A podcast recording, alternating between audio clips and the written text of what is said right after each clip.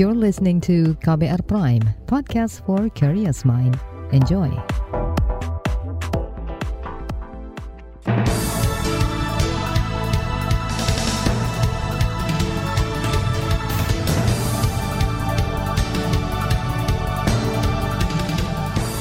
Selamat pagi saudara, senang sekali kami bisa menjumpai Anda kembali melalui program Buletin Pagi edisi Rabu 15 Juni 2022. Bersama saya, Naomi Liandra.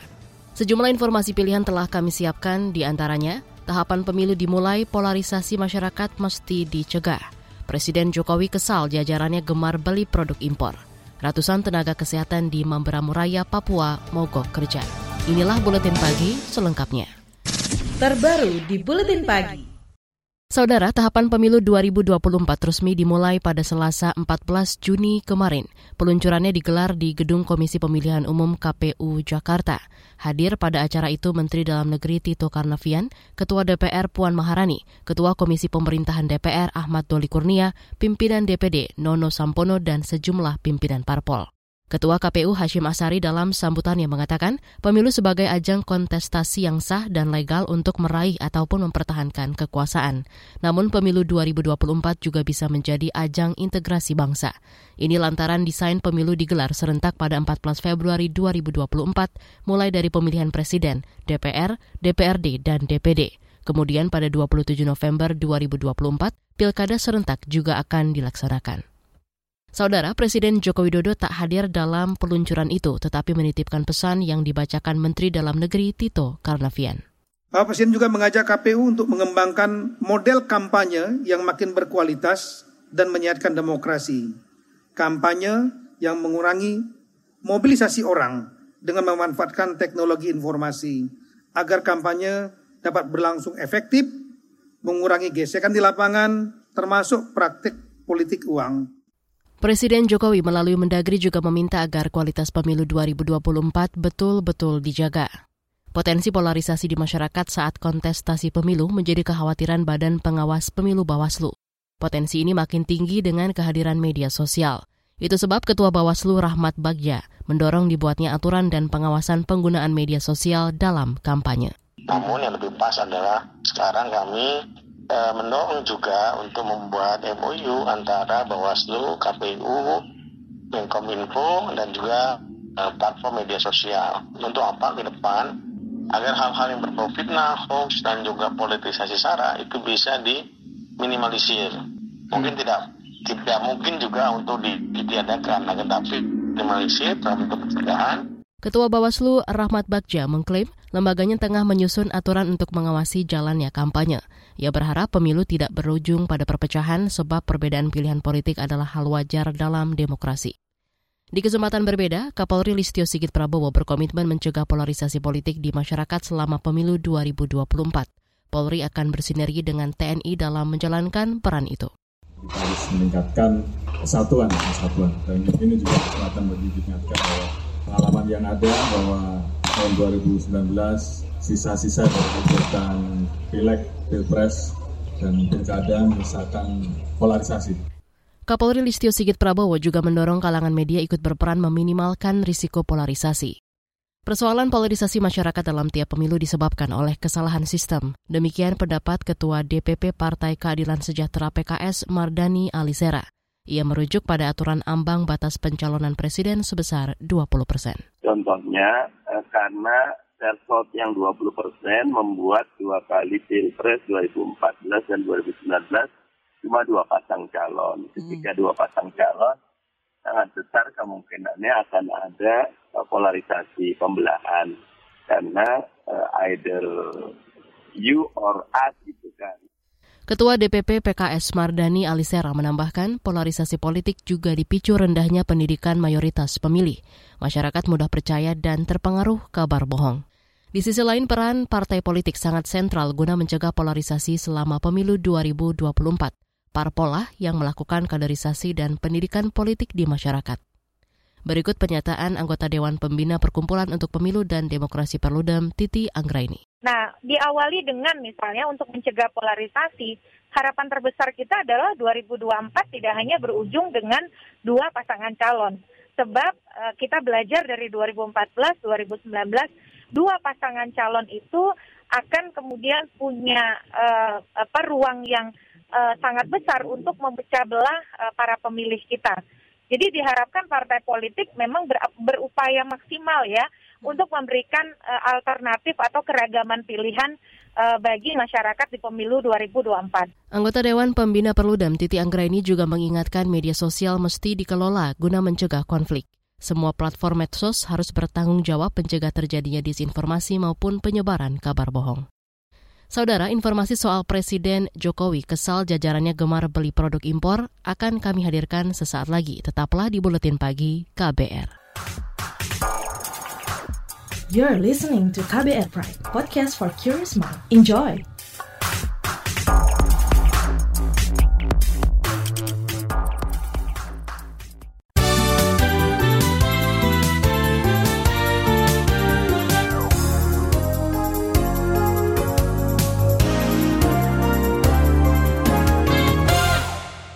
Anda sedang mendengarkan buletin pagi KBR. Presiden Joko Widodo kembali menyampaikan kekesalannya karena kementerian lembaga dan pemerintah daerah masih membeli produk-produk impor. Hal itu disampaikan Jokowi saat membuka Rakornas Pengawasan Intern Pemerintah kemarin di Istana Negara, Jakarta. Beli impor, yang saya cek, beli impor, alasannya ada saja. Kualitasnya Pak, speknya Pak enggak pas, Kayak kita ini orang nggak ngerti masalah spesifikasi. Ini kan sekali lagi kita ini orang pinter-pinter, tapi melakukan hal yang sangat bodoh sekali. Maaf, ini yang harus dikawal, ini yang harus diawasi. Presiden Jokowi meminta Badan Pengawasan Keuangan dan Pembangunan BKP dan aparat pengawas internal pemerintah APIP mengawas mengawasi kepatuhan instansi pemerintah, BUMN maupun BUMD berbelanja produk dalam negeri. Jokowi juga meminta agar produk impor yang sudah dapat diproduksi di dalam negeri dihapus dari e-katalog. Istana buka suara terkait isu perombakan kabinet atau reshuffle yang kabarnya bakal dilakukan hari ini. Sekretaris Kabinet Pramono Anung menegaskan reshuffle sepenuhnya kewenangan Presiden Joko Widodo. Jadi yang namanya kabinet itu kewenangan sepenuhnya presiden. Presiden itu mempunyai hak prerogatif. Presiden mau ganti presiden mau ganti kapan aja terserah presiden mau hari ini mau besok mau lusa. Tapi kewenangan itu sepenuhnya ada pada presiden. Pramono Anung yang juga politikus PDI Perjuangan ini yakin Jokowi sangat paham kebutuhan kabinetnya lantaran sudah delapan tahun memimpin pemerintahan. Pernyataan Pramono ini sekaligus merespon kabar bahwa PAN akan masuk Kabinet Indonesia Maju. Jaksa Agung Sanitiar Burhanuddin berkomitmen mencegah penyelewengan dana desa. Lembaganya akan mendampingi perangkat desa agar kapasitas mengelola dana desa sekaligus pertanggungjawabannya bisa meningkat. Program Jaga Desa atau Jaksa Garda Desa rencananya akan kembali diaktifkan. Hari ini kita lebih tegaskan lagi Pak Menteri dengan saya, Pak Sekjen, ada nanti ada ada, ada Pak Jambin, kemudian ada Pak Jamintel. Kita lebih uh, apa lebih diteruskan dan lebih diefektifkan lagi karena ada sedikit permasalahan dan tentunya uh, kita akan segera pecahkan permasalahan. Sebelumnya, Pagu Dana Desa tahun ini ditetapkan 68 triliun rupiah untuk 75 ribu desa. Jumlah itu lebih kecil 4 triliun rupiah dibandingkan Pagu Dana Desa tahun lalu. Beralih ke berita ekonomi. Neraca minyak Indonesia defisit selama hampir satu dekade. Kepala Badan Kebijakan Fiskal BKF Febrio Kacaribu mengungkapkan defisit merupakan dampak turunnya kerja di hulu migas dan minimnya eksplorasi. Bahwa kalau kita lihat dari sisi minyak mentah, eh, kita mulai defisit eh, paling tidak dalam gambar ini mulai tahun 2013. Untuk minyak mentahnya kita defisit terus sampai eh, tahun 2020. Untuk hasil minyaknya kita juga sudah eh, defisit dari sejak 2012 eh, cukup besar. Memang mulai mengecil di tahun-tahun sekarang dan ini juga terkait dengan produktivitas dari sisi hasil minyak. Kepala BKF Febrio Kacaribu menambahkan untuk menekan defisit, pemerintah akan menyederhanakan perizinan, transparansi data, fleksibilitas sistem fiskal, integrasi hulu hilir, serta stimulus fiskal. Kita ke berita mancanegara. Pelaku penghinaan secara online di Jepang bisa dipenjara. Aturan ini sudah disahkan dalam bentuk undang-undang oleh parlemen di sana. Langkah tersebut dipicu kasus bunuh diri seorang bintang televisi karena dihina dan dirundung di media sosial. Menurut undang-undang itu, pelaku diancam hukuman penjara satu tahun atau denda 300 ribu yen setara 32 juta rupiah. Di lain pihak, sejumlah kalangan menentang pemberlakuan aturan ini karena dianggap menghambat kebebasan berbicara dan membungkam kritik terhadap penguasa. Kita ke berita olahraga. Timnas sepak bola Indonesia lolos ke Piala Asia 2023 usai menang telak 7-0 atas Nepal pada laga terakhir grup A yang digelar Rabu dini hari tadi. Tujuh gol itu dicetak Dimas Drajat, Witan Sulaiman yang mengemas dua gol, Fahrudin Arianto, Sadil Ramdhani, Bagot, dan Marcelino Ferdinand. Kemenangan ini mengantarkan skuad Garuda menjadi satu dari lima runner-up terbaik mendampingi Yordania yang keluar sebagai juara grup A. Hasil itu sekaligus mencetak sejarah timnas tampil di Piala Asia setelah menanti selama 15 tahun. Di bagian berikutnya kami hadirkan laporan khas KBR tentang pro dan kontra durasi masa kampanye pemilu 2024. Tetaplah di Buletin Pagi KBR. You're listening to KBR Pride, podcast for curious mind. Enjoy!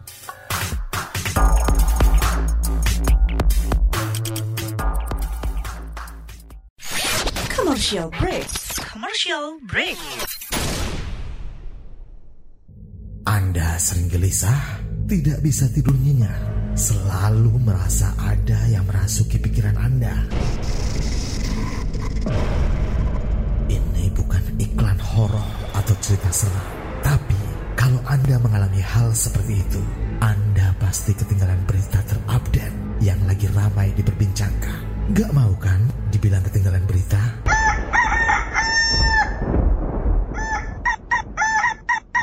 Makanya dengerin KBR Pagi, siaran pagi radio paling update, menghadirkan narasumber yang terpercaya dan kredibel. Banyak lagu-lagu dari zaman old sampai zaman now. Setiap hari Senin sampai dengan Jumat, mulai pukul 7 sampai 8 waktu Indonesia Barat. Bisa didengerin dari Aceh hingga Papua. Cukup satu jam saja untuk membuat kamu tetap update. Woi, ayam siapa nih? Berisik, saya mau dengerin kabar pagi.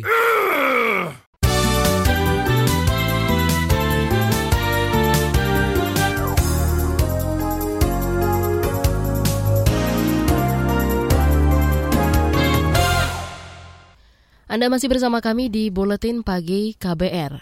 Durasi masa kampanye pemilihan umum 2024 sudah disepakati selama 75 hari. Durasi ini jauh lebih pendek dibanding pemilu 2019 dan pemilu 2014.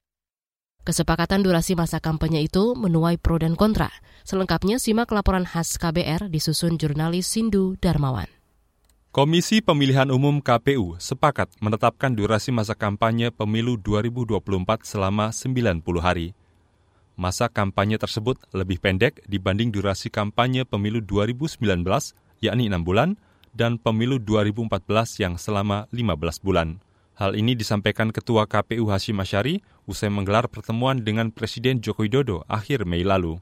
Alasannya menurut dia, agar lebih efisien dan tidak menimbulkan masalah di tengah masyarakat. Ia mengklaim Presiden Joko Widodo juga berpikiran sama soal hal tersebut. Untuk durasi masa kampanye yang 90 hari itu sebenarnya kan bukan hal yang baru ya. Artinya KPU juga sudah pernah mengusulkan, pemerintah juga sudah pernah mengusulkan, dan di DPR memang beragam ya. Tapi kemudian sebetulnya di bagian awal juga sudah ada titik temu di antara eh, angka 90 hari itu. Bahwa kemudian muncul angka 75 hari itu kan harapan untuk KPU mem membuat exercise atau simulasi-simulasi. Durasi masa kampanye sebelumnya memang menjadi perdebatan. Pemerintah mengusulkan 90 hari, KPU ingin 120 hari dan rapat internal Komisi Bidang Pemilu DPR meminta 60 hari. Sepekan kemudian, penetapan durasi masa kampanye itu berubah dan disepakati selama 75 hari dengan catatan, yakni logistik pemilu perlu difasilitasi pemerintah. Perubahan terjadi setelah DPR beraudiensi dengan KPU, perwakilan pemerintah, untuk membahas persiapan pelaksanaan pemilu 2024 awal pekan lalu. Karena itu, Komisi Bidang Pemilu DPR mendorong KPU mengoptimalkan sistem informasi untuk menunjang pemilu 2024. Antara lain, optimalisasi sistem rekapitulasi Sirekap hingga sistem informasi pencalonan. Wakil Ketua Komisi Pemilu DPR Syamsur Rizal menilai Optimalisasi merupakan konsekuensi dari kesepakatan masa kampanye selama 75 hari. Jadi kalau sudah semuanya dengan sistem elektronik, kita berharap tadi yang kita khawatirkan soal masa kampanye itu 75 hari, itu bisa dibantu untuk penghematan waktunya dengan eh, menerapkan sistem-sistem informasi uh, dengan menggunakan digitalisasi. Nah, terutama yang paling penting itu sistem informasi rekapitulasi.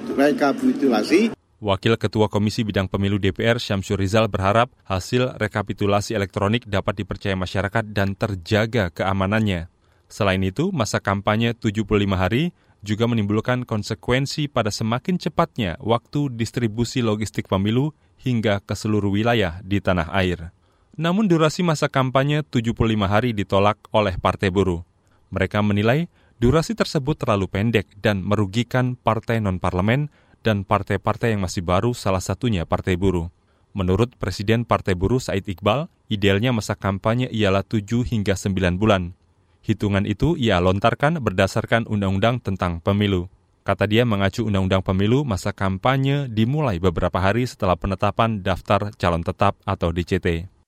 Memutuskan secara independen. Itu pelanggaran serius. Kawan-kawan media silakan nanti datang ke Bawaslu jam 3. Kami akan laporkan kami akan laporkan KPU, Partai Buruh akan lapor KPU, telah melakukan pelanggaran undang-undang pemilu. Dan ini berbahaya. Masa membuat kesepakatan dengan peserta pemilu yang direpresentasikan oleh lembaga DPR dan lembaga pemerintah. Said Iqbal menambahkan alasan kedua yang menjadi dasar penolakan Partai Buruh ialah durasi 75 hari terlalu pendek bagi partai baru untuk berkampanye. Tetapi sebaliknya aturan itu menguntungkan partai di parlemen. Menurutnya, KPU telah melanggar asas jujur dan adil. Ia mendesak KPU mencabut kesepakatan itu dan tidak menuangkannya dalam peraturan KPU. Selain melapor ke Bawaslu, Rabu esok atau 15 Juni 2022, Partai Buruh akan menggelar demo di depan gedung DPR untuk menolak masa kampanye 75 hari. Sementara itu, ekonom senior dari Lembaga Kajian Ekonomi Indef, Didi J. Rahbini, mendorong pembentukan norma sebagai pijakan bagi iklim kampanye pemilu 2024 yang sehat dan bermartabat.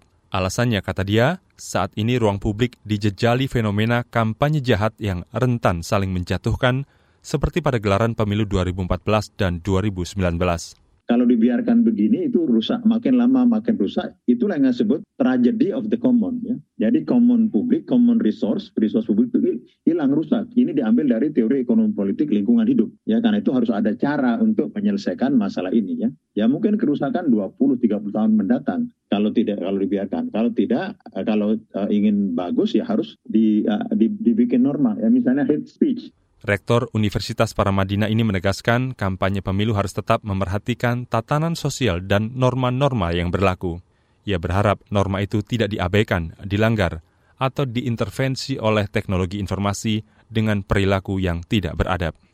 Pemilu presiden dan legislatif akan digelar 14 Februari 2024. Sedangkan pemilihan kepala daerah pilkada rencananya digelar Rabu 27 November 2024. Tahapan pemilu akan dimulai 14 Juni 2022 atau pada pekan ini.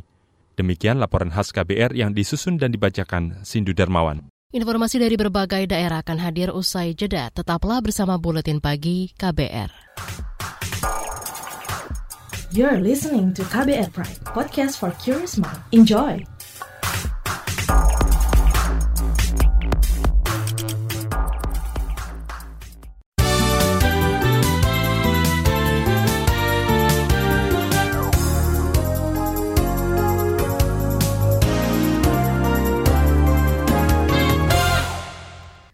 Inilah bagian akhir buletin KBR.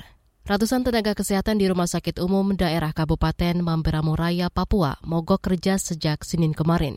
Ini sebagai bentuk protes karena honor mereka belum dibayar. Berikut pernyataan Direktur RSUD Mamberamo Raya, Merlin Nawipa.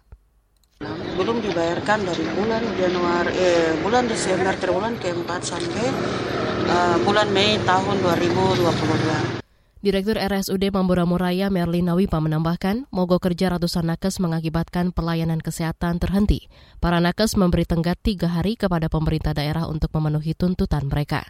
Jika gagal, nakes tersebut mengancam bakal terus mogok kerja sampai tuntutan terpenuhi. Sementara itu Bupati Memboromo Raya, John Tabo berjanji secepatnya membayarkan honor nakes yang tertunda. Kita ke Solo, Jawa Tengah. Kepolisian hari ini bakal memeriksa lima pengurus Khilafatul Muslimin terkait penemuan markas dan konvoi kendaraan bermotor. Laporan selengkapnya disampaikan kontributor KBR Yuda Satriawan.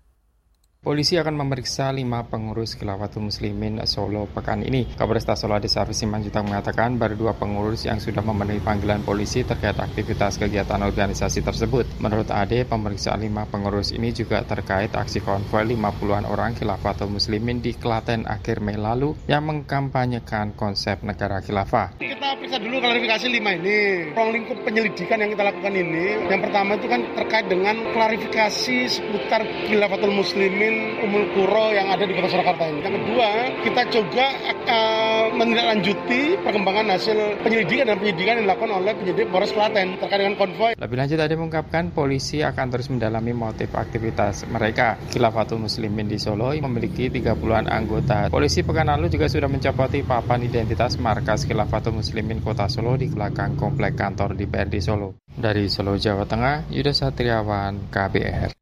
Sementara itu sebanyak 23 anggota Khilafatul Muslimin di sejumlah daerah sudah ditetapkan sebagai tersangka. Mereka disangka menyebarkan kabar bohong serta mengajarkan paham-paham yang bertentangan dengan nilai Pancasila. Kita ke informasi lain. Sebanyak 177 spesies burung di Indonesia terancam punah. Data itu dilaporkan Uni Internasional untuk Konservasi Alam dan BirdLife International.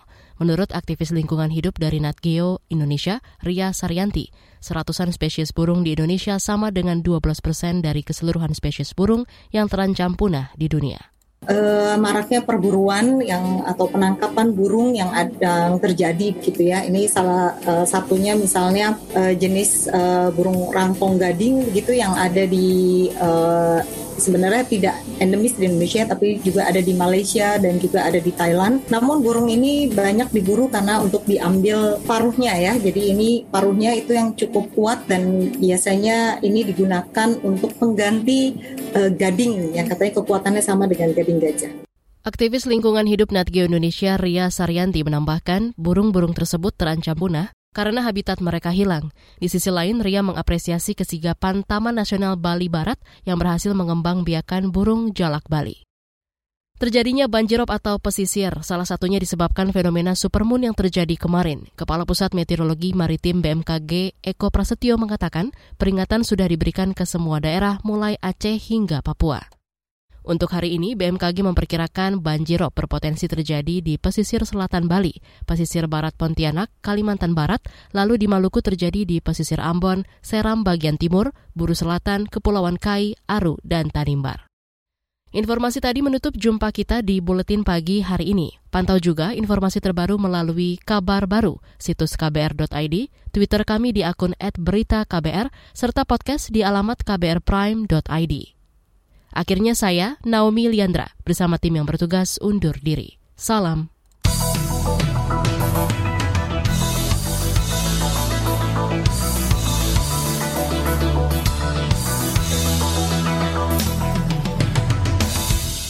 KBR Prime, cara asik mendengar berita. KBR Prime, podcast for curious mind.